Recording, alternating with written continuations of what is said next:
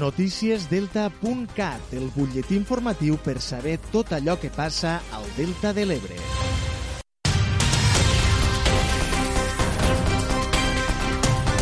Hola, molt bon dia. Ens fixem en l'actualitat de casa nostra. El govern de Deltebre no recorrerà la sentència de les dedicacions. El govern municipal de Deltebre ha decidit no presentar recurs a la sentència del jutjat contenciós administratiu número 2 de Tarragona sobre el règim de dedicacions i assistències dels electes municipals arran del recurs presentat pel grup municipal d'Esquerra Republicana.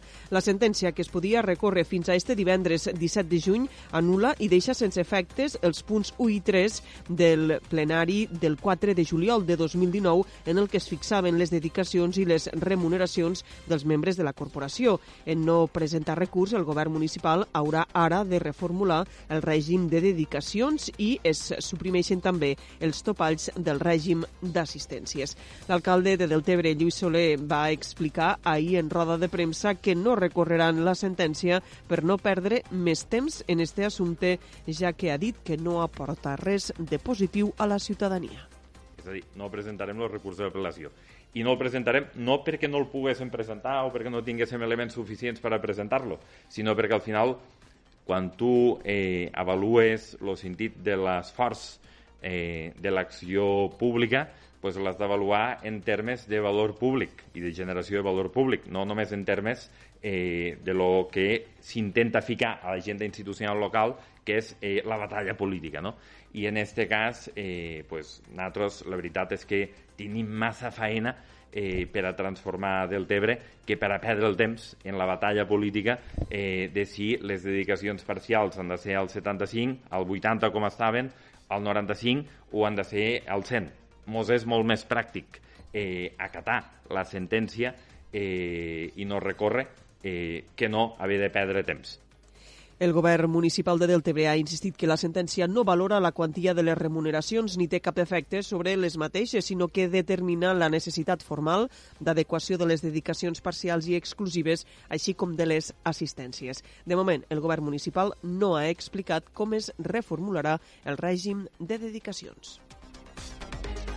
I este cap de setmana arriba la festa de la plantada a Sant Jaume d'Enveja. Serà este diumenge 19 de juny. Com sempre, les activitats començaran a partir de les 11 del matí sota el pont Lo Passador amb la Rua dels Plantadors, acompanyats pel grup de Jota Sarabastall, l'Associació de Dones i la Rondalla de Guardet Lo Cantador. La Rua es desplaçarà fins a l'arrossar interactiu, situat al mateix passeig fluvial i on al llarg de tot l'any es pot seguir l'evolució del cultiu de l'arròs. Escoltem Xavi Llorac, que és el regidor de festes tradicionals de Sant Jaume. Tenim, un, tenim l'arrossar, que és l'arrossar interactiu, que, que el denominem, no? que, que tots els visitants, pues, bueno, durant tot el que és el període de, de l'arròs, eh, poden inclús entrar dins de l'arrossar, que hi ha una passarel·la per a, bueno, per a conèixer de primera mà i de dins de l'arrossar eh, cada època de, de creixement i de, i de feines de l'arròs. La plantada té com a objectiu recuperar la tradició dels treballs de l'arròs i per això ja este divendres s'ha fet la plantada escolar amb els alumnes de cinquè de l'escola de Sant Jaume. I pues, bueno, pues una de les mesures que vam prendre ja eh, el moment que, que vam entrar, eh, va entrar jo com a regidor, ser això, no? Eh, necessitem que, que els xiquets eh, i xiquetes de, del nostre poble eh, coneguin de primera mà el que es feia abans no? de les nostres, les nostres tradicions.